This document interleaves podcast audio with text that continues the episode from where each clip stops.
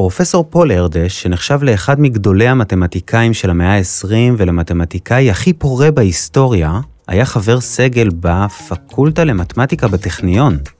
האם זה אמת או שקר? מיד נגלה. המאסטרים, המרצים הטובים בישראל מגיעים עליכם עם קמפוס IL, אתר הלמידה של ישראל. עורך ומגיש, אסף וייס. היא נחשבת למלכת המדעים, וגם רבות נכתב בהשתאות על האסתטיקה של המתמטיקה. אבל מצד שני, יחסי הציבור שלה בקרב תלמידים הם, איך לומר, שואפים למספר הזה שאסור לחלק בו.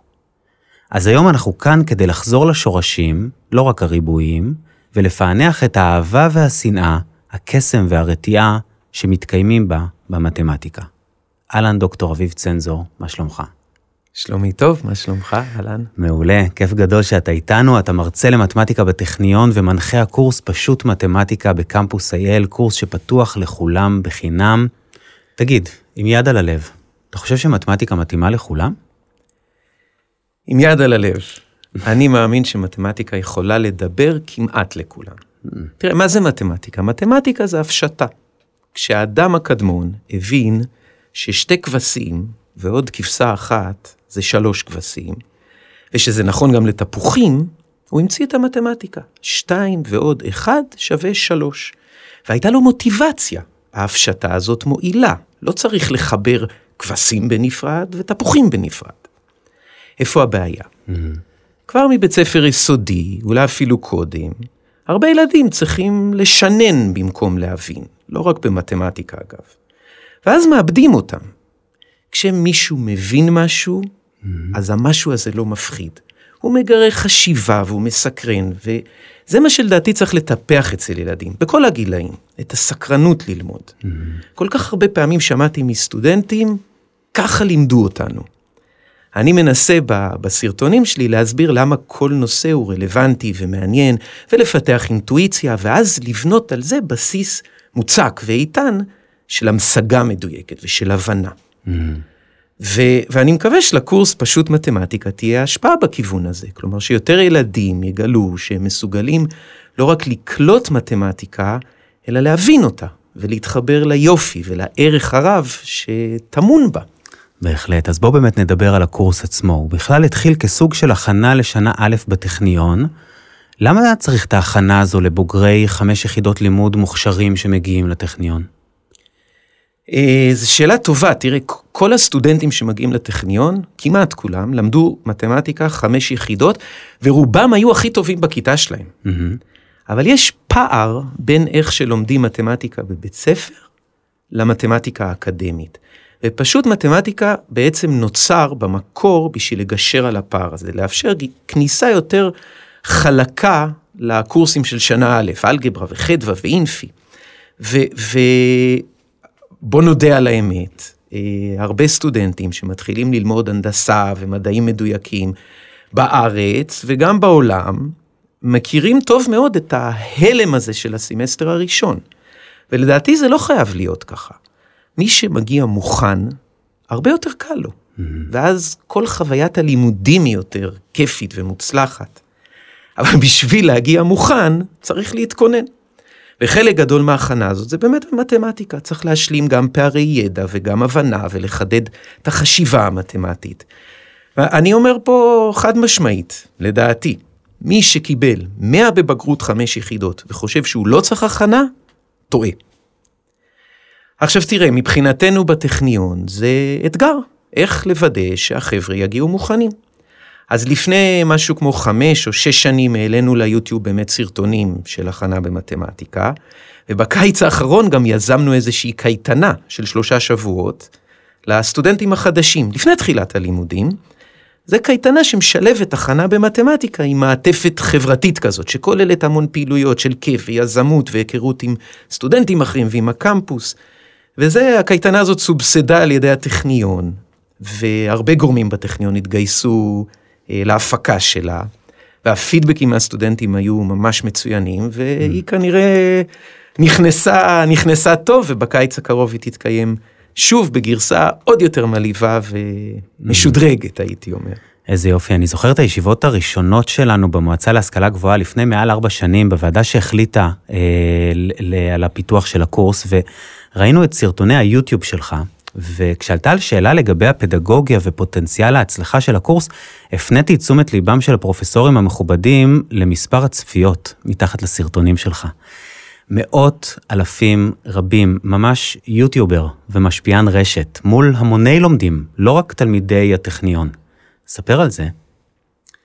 אה, זה נכון, הפלייליסטים של סרטוני ההכנה הישנים ביוטיוב, באמת צברו אה, הרבה מאוד צפיות, ו- ומה שהבנו מזה ש- ש- שזה לא רק סטודנטים שמתכוננים לטכניון, ואפילו לא רק סטודנטים שמתכוננים לאוניברסיטאות או למכללות אחרות, אלא זה גם תלמידי תיכון, שנעזרים בהם במהלך הלימודים ולקראת הבגרויות, וזה מה שהוביל אותי בעצם, לפני שהתחלתי להפיק את הקורס החדש הזה, אה, אי שם ב-2019, וואו, זה באמת כבר מזמן, אה, נפגשתי עם נירית כץ, אה, מפמ"רית מתמטיקה על יסודי במשרד החינוך. והצעתי לה לשלב את הקורס החדש הזה באופן רשמי, בהוראה של חמש יחידות בתיכון. עד אז קמפוס בעצם היה אתר של קורסים ללמידה עצמית, ללומד העצמאי, מוקים, מה שקוראים. והשיתוף פעולה המשולש הזה שנוצר ביני לבין נירית ומשרד החינוך מצד אחד, ולקמפוס מהצד השני, הוליד בעצם, הייתי אומר, קונספט חדש. הפרויקט הזה, שבמשרד החינוך נקרא כיוון חדש, שבמסגרתו קורס מקוון בעצם משמש כספר לימוד דיגיטלי, שמורות ומורים יכולים ללמד בעזרתו. וצריך גם להזכיר את ערן רביב, קודמי בתפקיד, שבאמת גם דחף לזה יחד עם, עם נירית כץ ואיתך, באמת פרויקט חדשני ופורץ דרך שנוצר במשולש הזה. ואז כשמורה משתמש בקורס הזה ללימוד, בעצם כל התפקיד שלו משתנה. כלומר, אתה אומר, זה לא רק מוק שפתוח ללומד העצמאי בזמן, במקום ובקצב שלו, אלא יש פה מודל הוראה היברידי, פורץ דרך, אבל נשמע כמו משהו שעשוי לעורר גם הרבה התנגדויות בקרב מורות ומורים למתמטיקה. נכון. זה, הייתי אומר, שינוי תפיסה פדגוגי. המקום של המורה, כמו שאמרת, פשוט משתנה. כל מורה, גם בבית ספר וגם באקדמיה, רגיל להיות קודם כל זה שמעביר את הידע. למעשה רוב הזמן שלו עם התלמידים מוקדש להעברת הידע הזאת. וגם אם הוא מורה מצוין, התלמידים אחרי זה צריכים ללכת הביתה ולהפנים, לתרגל, לרכוש מיומנות, ואת זה הם עושים לבד. ובינינו, התלמידים עם הכי הרבה סיכוי להצליח, למשל בחמש יחידות, זה אלה שיש להם עזרה בבית. זה יכול להיות מהורה או מאח גדול, או פשוט כאלה שלהורים יש כסף לשלם למורה פרטית. Mm-hmm. ומה שאנחנו מציעים פה ב- ב- בעצם, זה מציעים למורים שיטת הוראה שנקראת uh, כיתה הפוכה. כלומר, תנו לילדים לרכוש את הידע באופן עצמאי, מהסרטונים בקמפוס. זה סרטונים מושקעים, קצרים, ממוקדים, של דקות בודדות, שמתאימים לקשב של הצעירים היום. ובין הסרטונים יש קצת תרגילים אינטראקטיביים וגרפיקה ודגשים, וזו הזדמנות לילדים לסגל מיומנות חשובה מאוד של למידה עצמאית, שתשרת אותם אגב לכל אורך החיים. Mm-hmm. ואז את המורה הם פוגשים בכיתה אחרי שהם צפו בסרטונים. ולמורה יש עכשיו זמן, זמן איכות, להטמיע את החומר, להעמיק, לחדד, להבהיר. בעצם להיות בעצמו המורה הפרטי. להיות זה שנמצא שם בשלב היותר אקטיבי של הלמידה, שבו באמת הילדים הכי צריכים אותו. ולא רק, כמו עד היום, בשלב היותר פסיבי של הקניית הידע. אבל בשביל זה צריך באמת להכשיר את המורים, וכמו שאמרת, להכשיר את הלבבות, אה, ללמד ככה. מורה שמלמד 20 שנה באופן מסוים, יכול לחשוב בטעות שמזיזים אותו הצידה. וזה ממש לא ככה, להפך. וצריך באמת להתעכב רגע על הנקודה הזו שהזכרת אותה מקודם, התלמידים לומדים מתמטיקה, אבל לא פחות חשוב מזה, הם לומדים איך ללמוד. הם לומדים איך ללמוד בדיגיטל, וזה באמת הידיעת קרוא וכתוב של המאה ה-21, כי תלמידים וסטודנטים שהתרגלו לגשת למכשיר הזה כדי להתפתח מקצועית, אישית, כדי להרחיב אופקים, הם בוודאות יהיו בעלי כלים ומיומנויות קריטיות למאה ה-21. אז כמו שאתה מספר, זה סופר מאתגר, בוא תספר איך מוציאים לפועל תוכנית כזו.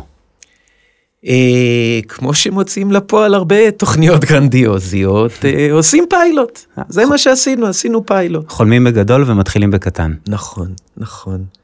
הפקנו סרטונים ותרגילים לפרק אחד שלומדים בכיתה י"ב, פרק שנקרא מספרים מרוכבים, אימא'לה. ובפיילוט הזה השתתפו כיתות של חמש יחידות עם מורות מדהימות מדהימות מדהימות מתשעה בתי ספר, מצפת ועד תל אביב.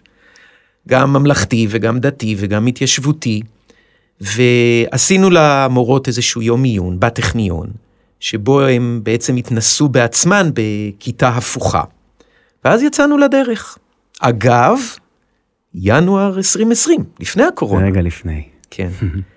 ובסיום הפיילוט, פברואר 2020, עשינו מפגשי סיכום עם המורים ועם התלמידים, והתגובות היו, היו חיוביות ואפילו הייתי אומר נלהבות. בהחלט, אתה אה, מצטנע פה, הרבה פעמים אני אומר לצוות שלי שה revenue שלנו, הדיבידנדים כביכול שאנחנו גורפים במרכאות, הם הסיפורים המרגשים של הלומדות והלומדים. זה מה שמזריק בנו את ה drive לעשייה. ובקורס שלך צריך להגיד, הפיילוט כבר הוליד אה, תגובות באמת באמת נהדרות. אה, תוכל להזכיר אולי אחת או שתיים? כן, אני, אני זוכר תלמידה מבית ספר פלך בתל אביב, mm-hmm. שסיפרה שהם למדו באמת בעזרת הפרק הזה של מרוכבים בפיילוט, בקורס המקוון, ואז נתנו להם מבחן, ובמבחן היו שאלות, אה, סטייל שאלות בגרות. והיא סיפרה שהיא לא פגשה במסגרת הלמידה שאלות בגרות. Mm-hmm. פעם ראשונה במבחן היא פוגשת שאלת בגרות על הנושא הזה של מרוכבים. והיא מספרת, ידעתי איך לפתור אותה. מדהים. שזה היה באמת מדהים, כאילו, והיא הייתה בעצמה קצת נדהמת מזה, היא אומרת, למדתי את החומר, הבנתי את הנושא, פגשתי לבד, פעם ראשונה, שאלה במבחן, וידעתי איך לפתור אותה.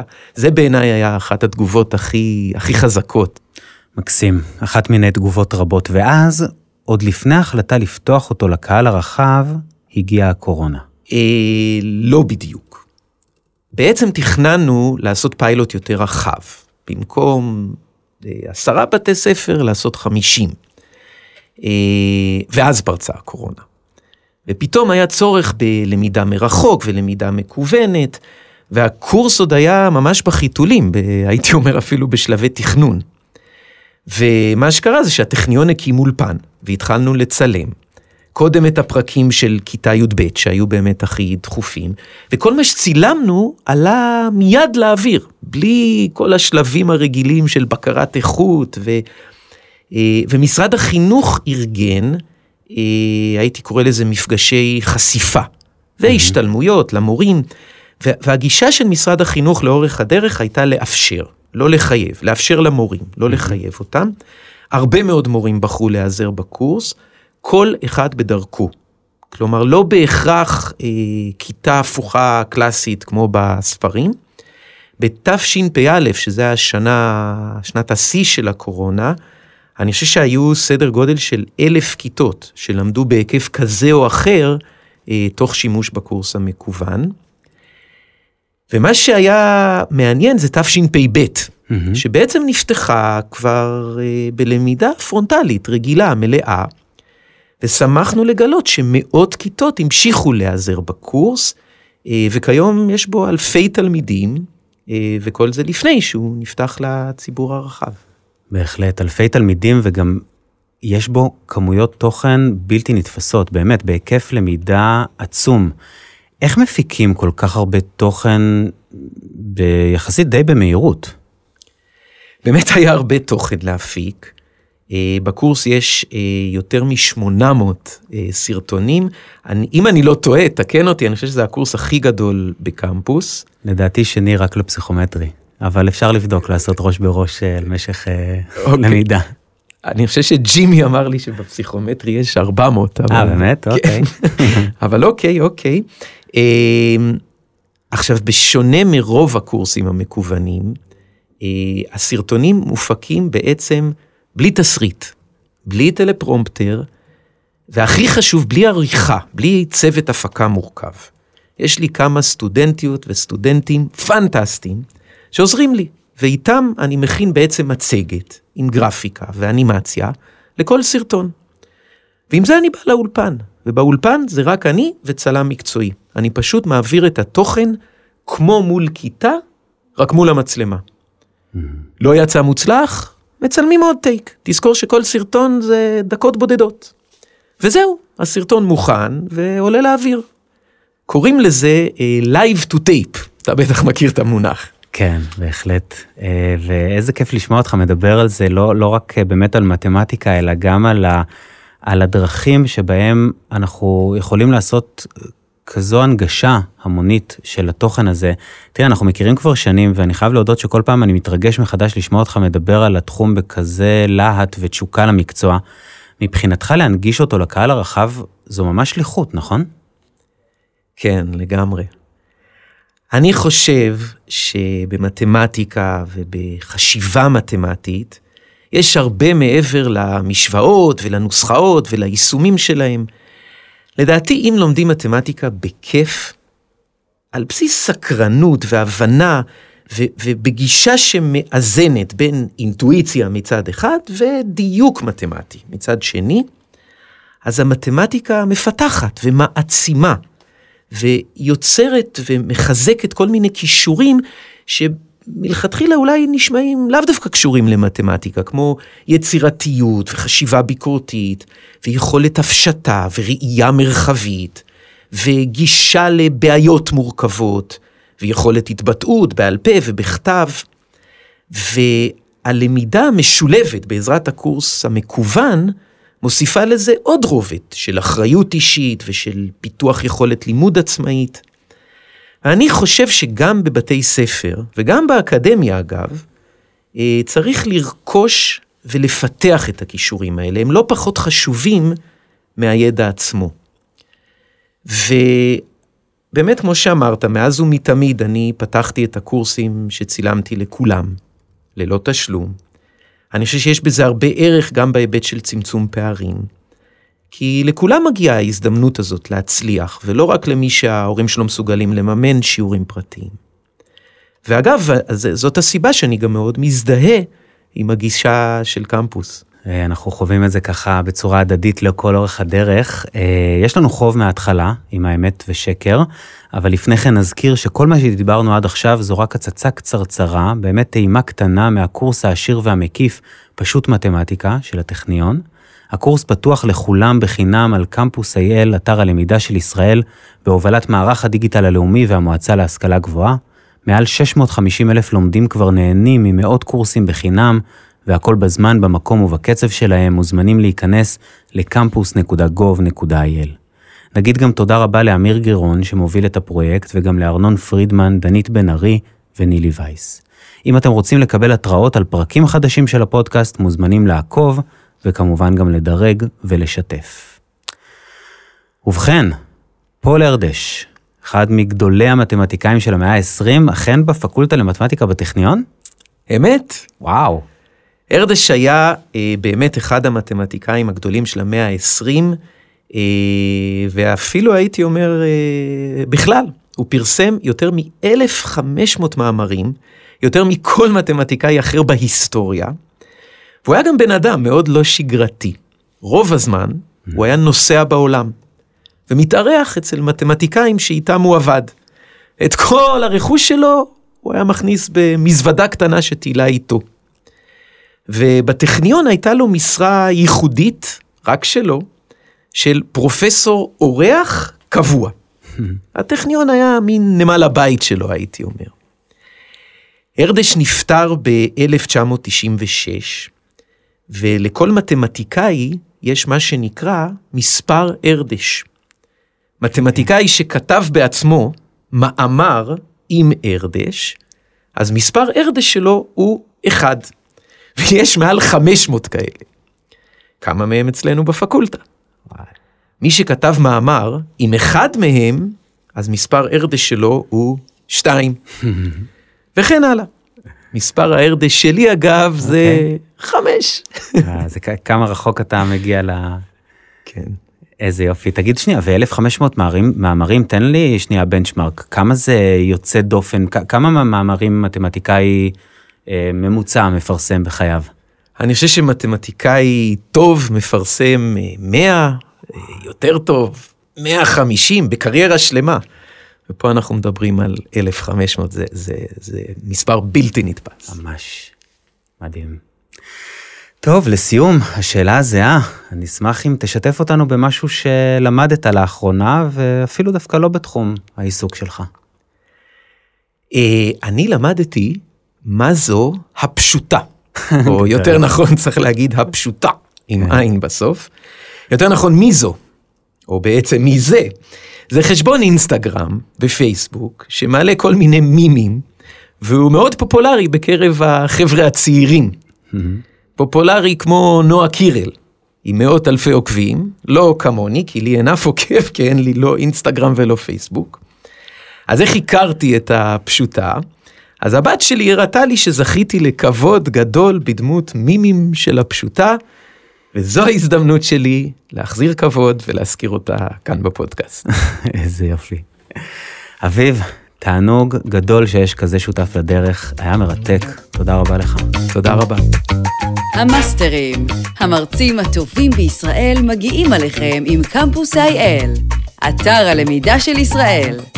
עורך ומגיש, אסף וייס.